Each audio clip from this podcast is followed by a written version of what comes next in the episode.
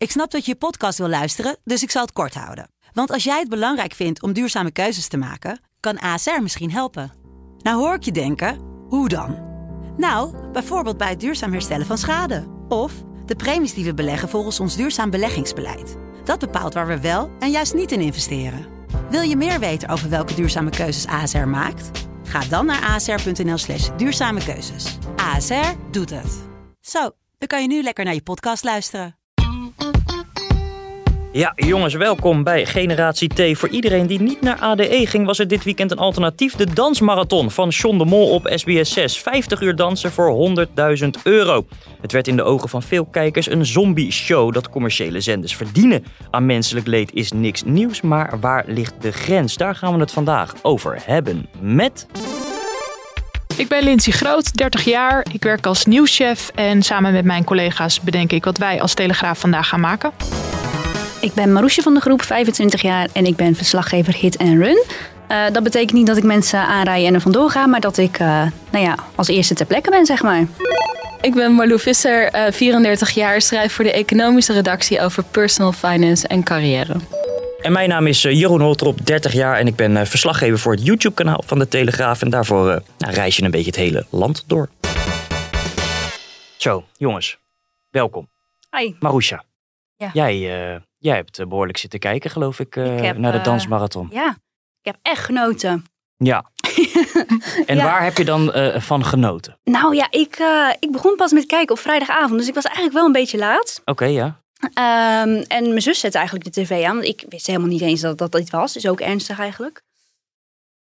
En dat was uh, toen K3 aan het optreden was. En dan zie je dus uh, zo'n man met dreadlocks en allemaal van die types waarvan je denkt, die gaan normaal naar al die technofeestjes. dat zie je heel stoer, stoer dansen op K3. Ja. En daar heb ik zo van genoten. Ik heb zo gelachen gewoon. Maar, maar heb je dan gewoon uh, de hele tijd doorgekeken? Nee, of, nee, nee. Maar ik kijk eigenlijk bijna nooit gewoon de televisie. Uh, maar nu elke keer als ik een tv in de buurt had, dan dacht ik wel van, oh, ik zet hem even aan, weet je wel, even op de achtergrond. En dan even tussendoor, ja, ja, ja gewoon puur genieten. Maar waarom dan? Want wat vind je daar zo leuk aan? Dan? Ja, gewoon die ongemakkelijkheid ook. En ja, hoe ze daar op een gegeven moment verplicht staan te dansen op artiesten waarvan je weet van, nou, dat, dat vinden ze eigenlijk helemaal niks. Hmm. Ja, Waren er nog wel aan dansen op dat moment?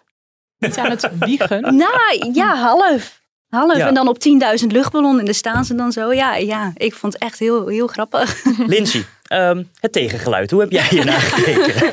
ja, met bloedende ogen. Ja. ja ik had uh, zaterdag weekenddienst en uh, ik heb hem op de achtergrond aangezet. En ik dacht echt dat ik naar een aflevering van Black Mirror zat te kijken. Het was ja. zo ontzettend, nou ja, echt, het was, het was gewoon bizar om naar te kijken. Hoe mensen compleet afgemat daar voor de zoveelste keer op snolle bolletjes een ingestudeerd dansje moeten doen. Ja. Nou, ik, ik heb het op een gegeven moment maar gewoon afgezet. Omdat ik er gewoon ongemakkelijk van werd. We gaan er zo uh, verder over praten. Eerst Marlou. Uh, heb jij gekeken en in het kort, wat vond je ervan? Nee, ik heb er eigenlijk uh, geen minuut van gezien. Ik was zelf aan het dansen op Amsterdam Dance Event. En dan niet op snollebolletjes. wel 50 uur volgehouden? Nou, geen 50 uur, maar toch zeker wel 15 uur. Maar ik heb achteraf wel wat hoogtepunten teruggekeken. Maar waar dus, ben je, uh, even tussendoor, waar ben je heen geweest dan uh, afgelopen uh, Ik had donderdag een feestje, dat was van Pleinvrees. en ik had zaterdag een feestje, dat was Gar Gardens of Babylon. Oké. Okay. het was allebei heel erg leuk. Ja. ja. Nou, gezellig. Ja. Um, we gaan even naar een fragmentje, jongens, van de dansmarathon. Wat is er gebeurd? Ik heb een allergische reactie van de enkelband die we om hebben. Dus ik krijg nu even een spuitje, zodat de allergie stopt. Hoe gaat het met je? Uh, een beetje vermoeid, maar voor de rest wel aan. Nou, ik heb ook overal pleisters zitten. Maar eigenlijk niet zo goed nu ik erover nadenk. Nee, toch niet goed. Niet over... maar, maar gaat nadenken nog? Eh, lastig eigenlijk. Heel veel last van je voeten? Ja, het brandt. Het brandt gewoon heel erg. Hoe graag ik het ook zou willen. Ik denk dat het belangrijker is om naar mijn lichaam te luisteren. Ik had het ook graag anders gezien. Maar het is echt mijn rug, die verkrampt gewoon helemaal. De grens is bereikt blijkbaar, ja. The show must go on. Nou, ik ben best wel hard door mijn enkel gegaan, dus dat voelt niet heel lekker. Vooral als je alleen maar door blijft dansen. Maar... Uh, het is echt heel pijnlijk. Ja. Hey, dit uh, uh, fysieke aspect, hè? Dus, dus alles wat het, nou ja goed, al het leed dat de deelnemers moeten doorstaan, daar is best wat kritiek op. Ja, Lindsay, hoe zit je in de wedstrijd? Ja, ik, dat maakte het ook met name ongemakkelijk om naar te kijken. Ik bedoel, die mensen kunnen een geldbedrag uh, vinden wat uh, John de Mol waarschijnlijk nog ergens in een oude sok heeft, heeft gevonden. Ja, 100.000 euro. 100.000 euro. Nou ja, Marlou was net al eventjes aan het uitrekenen wat je daar nou uiteindelijk van overhoudt, mocht je dat winnen. Hoeveel, Marlou? Nou, ik denk dat je daar inkomstenbelasting over betaalt en geen kansspelbelasting. Pin me daar niet helemaal op vast. En dan hangt het er vanaf hoeveel ze verder verdienen. Ehm, maar iets meer dan de helft per persoon als je 50.000 per persoon krijgt. Ongeveer 30, denk ik. Ja, ja ongeveer het bedrag wat uh, de gemiddelde presentator uh, voor, uh, voor die hele marathon een presentatie krijgt. Ja, ja. Even gechargeerd, maar dat maakt het natuurlijk ongemakkelijk om naar te kijken. Omdat er zo'n fysieke uitputtingsslag plaatsvindt. Dat je denkt, waar doe je het in mm. vredesnaam voor? Zeker omdat je dan uh, de presentator hoort zeggen, uh, bel allemaal en uh, stem op ja. weet ik veel wat. En je kan 10.000 euro winnen. Ja. Nou ja, dan hoef je niks voor te doen op de bank te blijven zitten. Dus ja, met name die fysieke uitputtingsslag maakt het heel ongemakkelijk om naar te kijken. Zeker als ik dan dat oudere koppel uit Lierop zag, die Toon en Maria. Oh ja. Een beetje Elvis-achtige look had hij ja, die, mensjes, die, ik vond het echt gewoon zielig om naar te kijken. Maar ze doen vrij, vrijwillig mee natuurlijk. Hè? Die mensen vinden het gewoon leuk toch om, om mee te ja, doen? Ja, klopt. Eh, dat hoop ik. Uh, achteraf is ze ook gevraagd. Uh, goh, was het nou echt zo'n marteling zoals sommige mensen zeggen? En dan zeggen ze allemaal heel braaf. Nee, we zijn super goed gecoacht. En we hebben zo'n lol gehad, 50 uur lang. Mm. Nou ja, ik vraag me af welk deel daarvan quitclaim is en welk niet. Maar ja, het is gewoon... Tuurlijk, die mensen hebben er zelf voor gekozen om mee te doen. Maar dat maakt het niet minder ongemakkelijk om naar te kijken. Misschien maakt het mhm. dat juist wel nog ongemakkelijker. Dat mensen bereid zijn zichzelf zo uh, naar de kloten te helpen voor zo'n geldbedrag. En, en wat nou als dat bedrag hoger was? Het was een miljoen of twee miljoen, dan vond je het minder erg? Enerzijds uh, ja, moet het geldbedrag niet uitmaken. En heb ik ook wel zoiets van, voor een miljoen was het wel uh, iets meer ehm, rechtvaardig geweest tegenover de prestatie die je levert. Maar wij dachten ook, ja, misschien hebben ze wel juist niet zo'n hoog bedrag gedaan om mensen niet over, nog meer over hun grenzen te laten gaan. Ik, weet, ik ken de beweegreden niet hoor, maar. Ja. Wie Siri was dit? Ja, dat was mijn Siri. Die ging, en, wat is het antwoord? Je krijgt heus de beurt hoor, uh, op het web gevonden. Ja, um, maar uh, nee, dat was even je telefoon. Uh, uh, verdedig je show even, zou ik zeggen, Marusha, want jij hebt nou, genoten. Ja, maar je hebt wel een punt hoor. Want hoe leuk ik het ook vond, is het ethische televisie. En dan denk ik nee. Maar ja, het is ook SBS 6. Ja, maar, wat, maar ik ja, vind wat, wat verwacht je dan? Het, hetzelfde met Expeditie Robinson. Daar hadden we het ook al over. Vind ik ook geen ethische tv. Kijk ik ook met plezier naar. Maar vind ik ook belachelijk dat mensen daar gewoon ja. zichzelf aan het verhongeren zijn voor een aantal weken. Ja, en, daar zegt uh, nooit iemand wat, wat over. Nee, nou, dat zijn daar BN'ers. Dus dat, dat, ja, dat vinden we dan ook leuk om die eens een keer uh, pijn ik, te maar die mensen krijgen betaald, toch? Ja, die mensen krijgen wel betaald. Ik denk daar toch wel anders over hoor. We hebben het uh, eerder in deze podcast gehad over reality shows als Temptation Island. En dat bijna iedereen er wel met een agenda ingaat. Ik denk dat ook deze marathon dat die echt voor geen van de deelnemers slecht gaat uitpakken. Er is al een crowdfunding actie begonnen voor die 60ers met een gehandicapte zoon.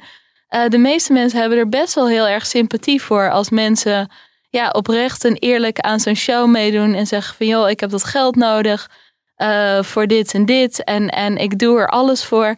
Daar, daar leven we met mee, daar, daar houden we mm -hmm. van, daar um, ja, daar, daar gaan we dan geld voor inzamelen en hen helpen. En zij kunnen waarschijnlijk um, ja, dansfeesten op het dorpsplein gaan openen. Of in de discotheek uh, drie uur ja. staan te dansen. Dus ik denk dat ze er best wel goed van afkomen hoor, op de lange termijn. Ja, dat denk ik ook. Alleen dat is iets anders. Ik denk ook dat die mensen er op zich goed van afkomen. Alleen dat neemt natuurlijk niet weg dat het, het, het leed wat ze op dat moment hebben, in mijn ogen dat dat op een ongemakkelijke manier wordt, uh, als entertainment wordt verpakt. Ja. En daar voel ik me als kijker ongemakkelijk bij. En los van het feit dat die mensen er waarschijnlijk allemaal uh, goed vanaf komen. Los van het feit dat ze misschien een kapotte knie of enkel uh, blessure eraan overhouden. Ja. Um, maar de intentie van het programma vind ik ongemakkelijk. Ja. Um, we gaan even naar een fragmentje. Het volgende fragment, dat is uh, Wendy van Dijk, die bij een uh, deelnemer, volgens mij de latere winnaar, ja. ook staat. Dit fragment gaat redelijk uh, viraal, geloof ik. nou, we gaan even, even luisteren. Je kan het, lieverd. Je kan het. Hou dit vol. Hou dit vol. Echt, je kan het. Je bent nog zo mooi aan het bewegen.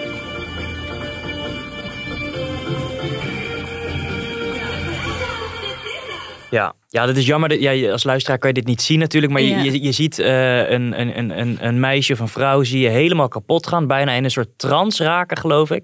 Huilen. Eh, huilen. Eh, en ja, Wendy van Dijk staat daar een beetje ongemakkelijk bij van wat gebeurt hier. Maar ja, die, die heeft al, weet ik veel, ja, tientallen uren gedanst, dat kind. Ja, ze waren volgens mij bijna bij het einde. Juist. En dan, dan vraagt Wendy van Dijk ook aan haar danspartner van... Ja, wat gebeurt er nou met haar? Het lijkt wel of ze helemaal in trance is. Ja, ja. en dan zegt die paarden van, zegt, dat is de muziek. Ja, ja, ja. En je ziet haar echt zo, ja, heel gek dansen, maar echt... Ja, voor mijn idee was ze gewoon bijna in een psychose. Ja. Ja. Ze zag er Ja, het is een- echt het is een- ernstig uit. Luisteraars moeten dat even opzoeken. Het is een vrij Ja. bizar fragment om, om te Ja. zien, inderdaad. Ehm, en wat ik me dan ook afvraag, hè, dan zo'n presentatrice, dat, die, zo'n Wendy, hè, die heeft dan ook, eh, weet ik veel, eh, tientallen jaren ervaring, voelt zich daar ook ongemakkelijk bij, toch? Zo'n moment.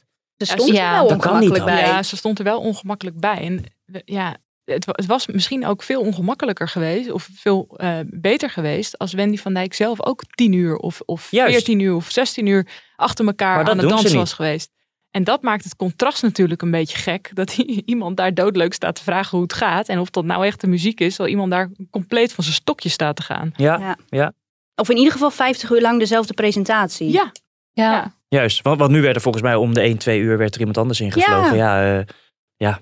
Dat komt niet heel sympathiek Nee. over. Nee. Ehm, wat nou als het een kennisquiz was? Lindsay. ja dan... Is dat dan, dan toch voor jou anders? ja, Want ik zie jou was- een beetje als de grootste tegenstander hier van de Ja, nou ja, ik heb gewoon denk ik het grootste ongemakkelijke gevoel Ja. bij dat programma. Maar ik, ja, bij een kennisquiz is het, is het anders. Omdat je, en dat is misschien ook een beetje hypocriet van mezelf, maar je ziet mensen niet kapot gaan. Je, je, hebt, je hebt een bepaalde mate aan kennis. Je doet mee met een quiz.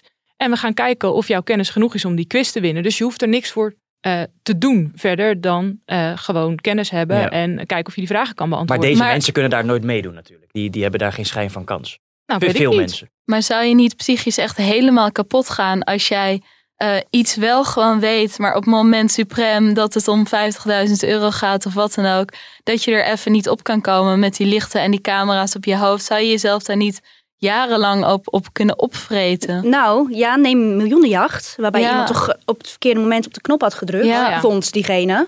Ja, En ook rechtszaken alles, eh, alles Ja. over geweest. Ja, Ja. alleen ik heb dan wel zoiets van, je begon met nul en je gaat eh, met nul of in plaats van een miljoen Ja. met 10.000 euro naar huis. Hm. En deze mensen begonnen met nul en die gaan naar huis met nul en een enorme eh, uitputtingsslag, Ja. knieblessure, kapotte enkel, Ja. ja. dat. Ja. En het is natuurlijk minder vrij om naar te kijken. En dat maakt het ook wat ik een beetje hypocriet vind van mezelf dan.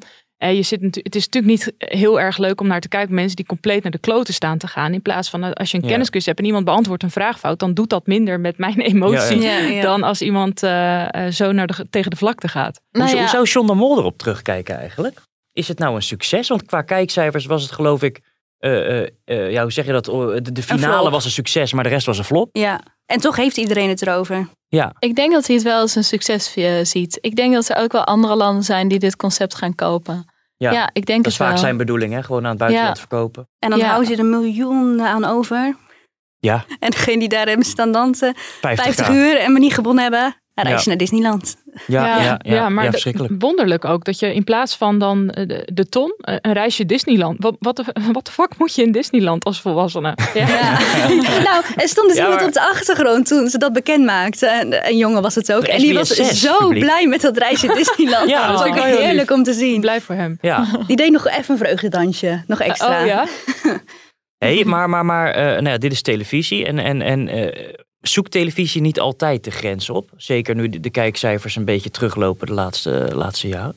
Ja, ik, ik las eh gisteren een column van, eh, van Johan eh Frets. En, Ja. en, en die vertelde, en daar ben ik het wel mee eens. Die zei van ja, lineaire televisie is natuurlijk eigenlijk een beetje zijn bestaansrecht aan het verliezen. Met streamingsdiensten als Netflix en Videoland en dat soort zaken.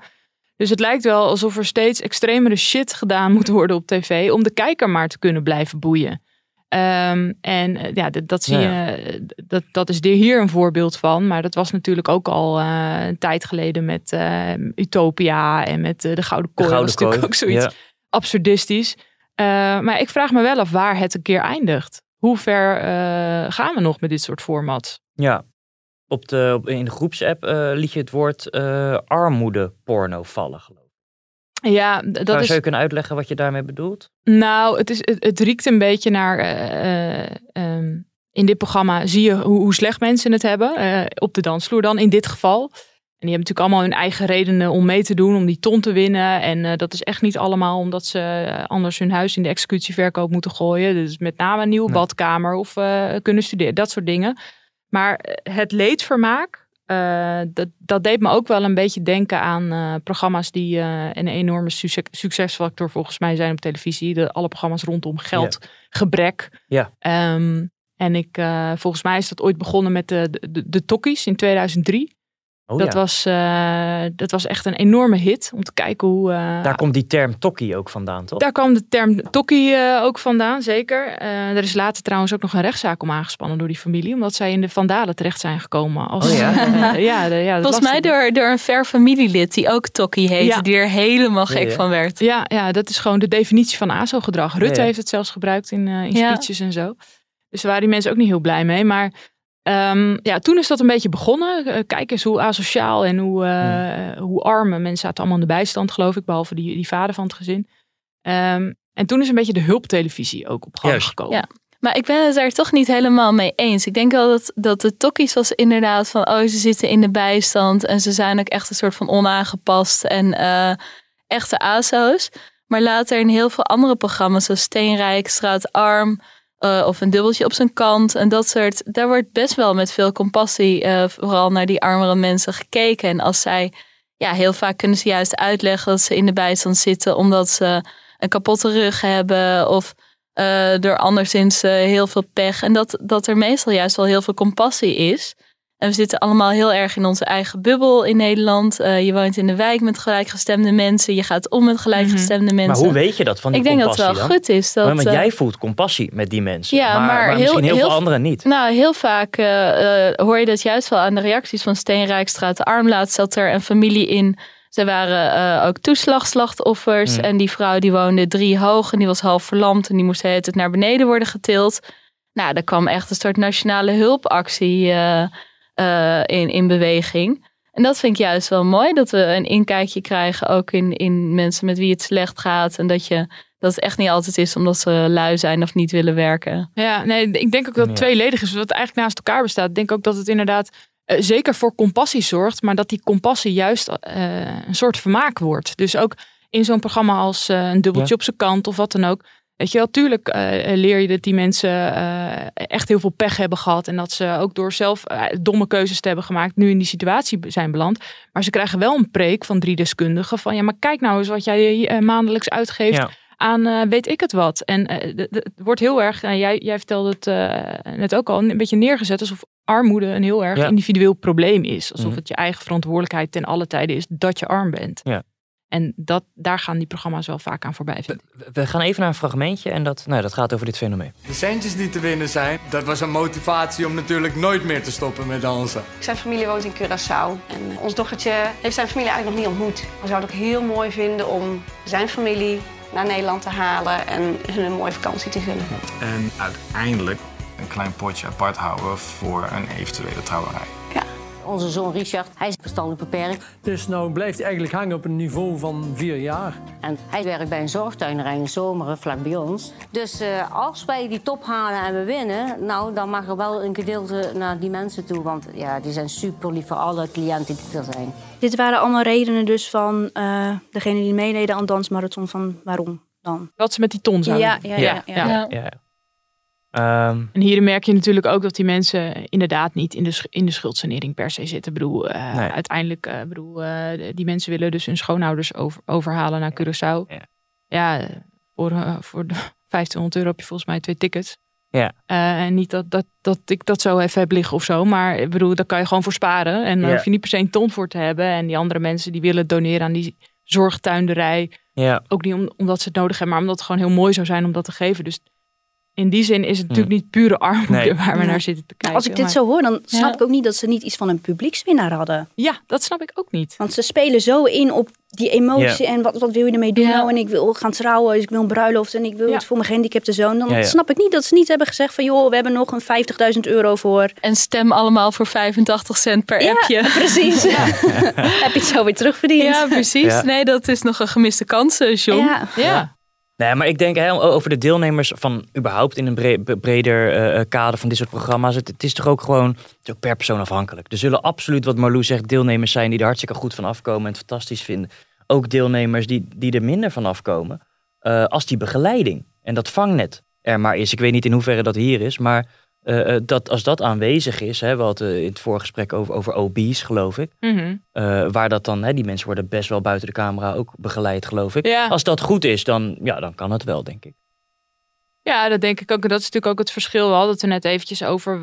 Dit is natuurlijk een enorme uit, uitputtingsslag voor een ton. En nou ja, in OB's worden mensen natuurlijk ook, die moeten ook ja. hele leven omgooien. Ja. Alleen, wat maakt dat het dan minder, minder onethisch in, in mijn ogen dan?